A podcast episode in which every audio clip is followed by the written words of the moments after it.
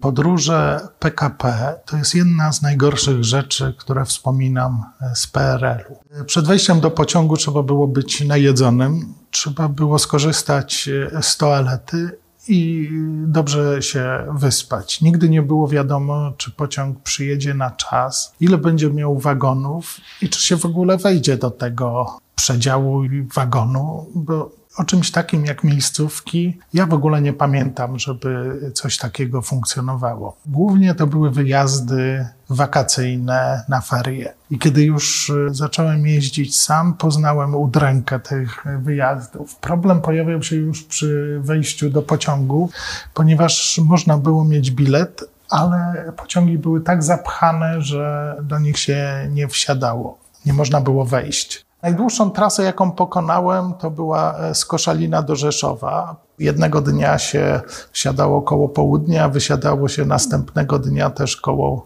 e, południa i często większość tej trasy pokonywało się na stojąco, ponieważ nie było miejsc. To była najdłuższa trasa ze Szczecina do Rzeszowa. Dłuższej nie było. Nigdy nie wiadomo było, ile będzie wagonów, ile przyjedzie i jakie to będą wagony, więc trzeba było się przygotować na najgorsze. Ja spałem wtedy na plecakach albo na namiotach, które wiozłem z sobą, ale tworzyła się jakaś niezwykła więź między tymi upodlonymi pasażerami, ponieważ skoro wszyscy musieliśmy stać na jednej nodze przez przez te kilka, kilkanaście godzin, więc wymienialiśmy się papierosami, wymienialiśmy się kanapkami, tam się nawiązywało znajomości, często one były kontynuowane. I to, że można było wyjść z pociągu czystym, wypoczętym i zrelaksowanym, to dowiedziałem się dopiero niedawno, jak zacząłem ponownie jeździć pociągami, już zupełnie innymi, pendolino, na trasach, które dzisiaj się pokonuje w ciągu dwóch, trzech godzin. Wtedy to zajmowało pół dnia, czasem cały dzień.